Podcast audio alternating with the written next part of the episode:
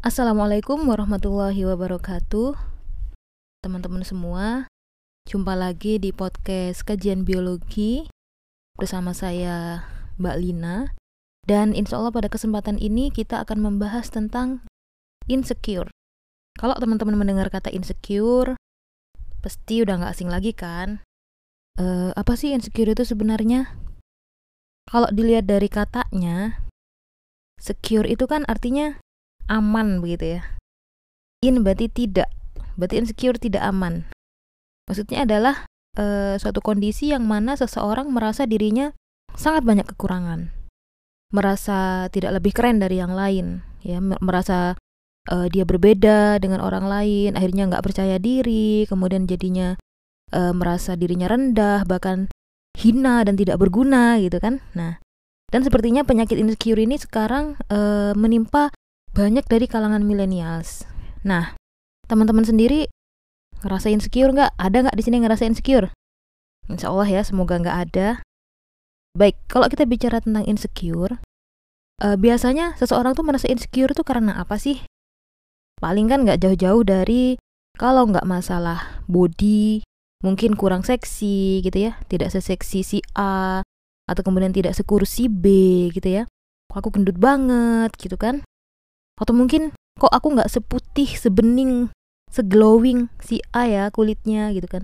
Atau wajahku kok jerawatan ya nggak seperti orang-orang yang biasanya upload-upload fotonya di Instagram misalkan.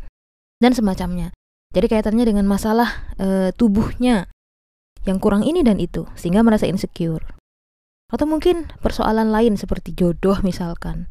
Kok aku jomblo ya kok aku nggak punya pacar yang ganteng seperti si A si B ya dan semacam itu gitu ya. Sudah usiaku udah masuk kepala dua nih kok aku masih jomblo dan seterusnya. Akhirnya insecure sehingga ketika ketemu dengan teman-temannya dia sendirian gitu kan. Jadi nggak ada gandengannya gitu ya. Nah atau kemudian uh, mungkin masalah pekerjaan. Jadi yang bagi yang sudah mau lulus kuliah atau yang mungkin sudah lulus kuliah gitu ya. Ketika dia itu harus ke sana kemari mencari pekerjaan kok pekerjaan yang aku lakoni nggak seenak si A ya atau mungkin sampai sekarang masih belum dapat pekerjaan dan seterusnya sehingga dia merasa insecure. Ya ketika ditanya oleh temennya eh kamu udah kerja di mana nih? Ternyata masih belum dapat pekerjaan akhirnya membuat dia insecure. Atau mungkin masalah harta gitu ya. Mungkin dia tidak sekaya si A si B dan si C. Atau kenapa ya kok aku tidak terlahir dari keluarga seorang konglomerat misalkan sehingga dia bisa mendapatkan apa yang dia inginkan? Kok aku tidak seperti keluarga si ini gitu ya atau bahkan kemarin yang sempat trending topik di Twitter itu ya. Aku ingin terlahir sebagai Rafathar gitu kan. Karena dia adalah anak sultan katanya warga net di Twitter ya pada saat saya baca uh, trending topik itu.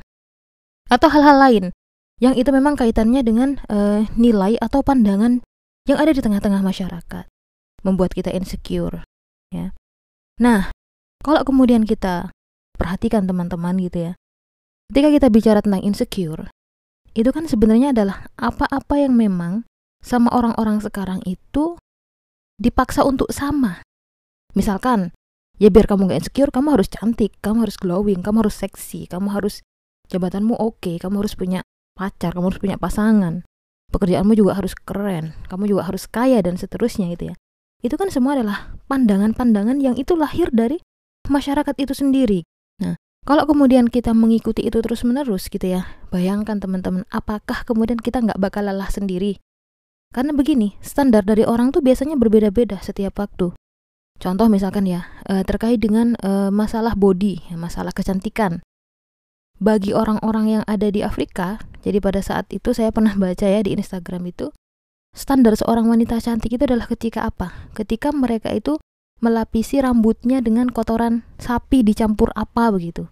Jadi itu nanti dia dihias sampai tebel rambutnya. Itulah standar kecantikan bagi orang yang ada di sana. Sementara kan kalau di negeri kita standar cantik itu adalah ketika putih seperti artis Korea, kurus gitu ya, slim bodinya seseksi mereka gitu kan. Jadi berbeda-beda setiap pandangan manusia. Atau mungkin standar kecantikan orang Asia yang kulit hitam kepengen putih, yang kulitnya udah putih banget sampai kemerah-merahan kepengennya hitam atau kepengennya sawo matang. Nah, jadi kalau kita kembalikan pandangan atau standar atau tolak ukur itu kepada manusia, ya nggak akan ada habisnya. lama-lama kita lelah sendiri mengejar standar di tengah-tengah masyarakat itu tadi. Maka di sinilah kemudian seorang muslim itu patut untuk kemudian mulai kritis ya ketika memandang sesuatu. Sehingga dia tidak akan insecure. Jadi dia mulai harus berpikir ya, mengaktifkan akalnya. Pertama, kita harus bertanya, sebenarnya pandangan-pandangan seperti itu tadi yang dikatakan dia itu nggak bakal insecure atau keren itu ketika dia harus cantik, glowing, punya pasangan dan sebagainya itu sebenarnya pandangan-pandangan seperti itu tuh lahirnya dari mana sih sebenarnya gitu kan? Biasanya kalau cewek-cewek nih itu kan yang paling bikin dia nggak insecure kan kalau yang pertama itu dia gendut yang kedua kul uh, wajahnya nggak glowing alias jerawatan atau kusem gitu kan. Paling ber, uh, berkutat di situ-situ aja sebenarnya. Di sini teman-teman harus bertanya sebenarnya pandangan-pandangan seperti itu tuh munculnya dari mana gitu ya kan harus kita bongkar harus kita ungkap sehingga kita tidak akan terombang-ambing sampai lelah sendiri tadi ngikutin standar itu. Apalagi hari ini yang namanya produk-produk kecantikan, produk-produk yang membuat wanita-wanita itu kemudian mengejar-ngejarnya gitu ya, harus mencarinya, harus bela-belain sampai naudzubillah min ada yang jual diri gitu ya demi mendapatkan uang agar bisa beli skincare skincare yang harganya selangit gitu. Nah, ternyata pandangan ini tuh teman-teman itu lahir dari sistem yang memang sekarang sedang ada di tengah-tengah masyarakat di mana sistem itu adalah aturan dan aturan itu membuat masyarakat itu memandang bahwa segala sesuatu dikatakan seseorang itu nanti dia bisa bahagia ya itu ketika dia puas secara jasadi secara jasadi itu adalah secara jasmani jadi mengejar kepuasan jasmani sepuas-puasnya itulah standar kebahagiaan makanya kalau kemudian kita lihat di dalam kondisi sekarang Kayak tadi contohlah produk-produk kecantikan atau skincare itu itu akan terus ya dikembangkan. Habis muncul merek A, merek B, merek C, merek D. Uh, bahkan sekarang itu ada penebal bulu mata lah, kemudian ada macam-macam lah ya saya nggak hafal gitu kan. Biar terlihat tirus pipinya dan seterusnya itu akan terus. Karena memang ya pasarnya adalah kita ya sebagai seorang muslimah, sebagai seorang perempuan gitu kan.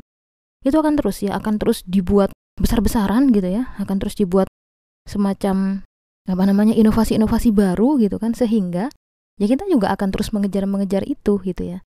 Sehingga juga mereka membuatlah standar kecantikan yang dikatakan perempuan keren tuh ya kalau tadi. Contoh misalkan ya kalau kita lihat apa itu kayak lomba-lomba kecantikan itu loh. Miss Universe lah Putri Indonesia dan seterusnya itu kan nggak ada pesertanya itu yang kemudian gendut atau jerawatan gitu ya walaupun ada yang kulit hitam tapi kan kulitnya glowing gitu kan kemudian dia juga seksi, menampilkan pakaian yang terbuka gitu ya dan seterusnya. Nah, jadi mereka membuat standar sehingga kepengenlah perempuan itu seperti mereka. Berlomba-lombalah mereka agar bisa sama dengan uh, si Miss ini tadi gitu kan. Jadi apa? Memang untuk memuaskan jasa dia atau jasmani itu tadi gitu ya. Tadi perempuan merasa keren ketika dirinya itu slim dan sebagainya tadi, maka dibuatlah produk-produk yang itu seperti itu gitu ya. Dibuatlah produk-produk yang membuat para perempuan itu akan selalu ingin membeli, membeli, membeli produk-produk seperti itu. Nah, itu yang terjadi. Karena bagi sistem hari ini itu ya bahagia itu kalau kamu mencapai standar-standar yang telah mereka tetapkan gitu. Ya, termasuk juga produk-produk kecantikan wajah seperti penghilang jerawat, penghilang ini dan seterusnya gitu ya. Sebenarnya kalau kemudian kita lihat hukumnya dalam Islam, boleh-boleh saja sewajarnya kita juga hidup bersih gitu ya, membersihkan diri kita agar tidak kotor gitu kan, membersihkan dari najis, kemudian juga harus wangi, tapi ketika itu sampai kemudian menjadi fokus ya yang itu dikejar-kejar oleh wanita muslimah sehingga dia lupa apa yang seharusnya dia lakukan sebagai seorang muslim, maka ini yang kemudian dikatakan bahaya. Karena dia sudah terini, sudah terikut arus mengejar kepuasan jasadi itu tadi, mengejar kepuasan jasmani. Itulah standar bahagianya dia. Itu. Nah, ini berbahaya. Berarti apa? Berarti sistem ini yang memang telah menyeret kita, membuat kita jadi terombang-ambing mengikuti standar-standar yang ada di tengah-tengah masyarakat yang itu sebenarnya adalah standar yang sama sekali bertentangan dengan apa yang telah Allah tetapkan untuk kita sebagai seorang muslim.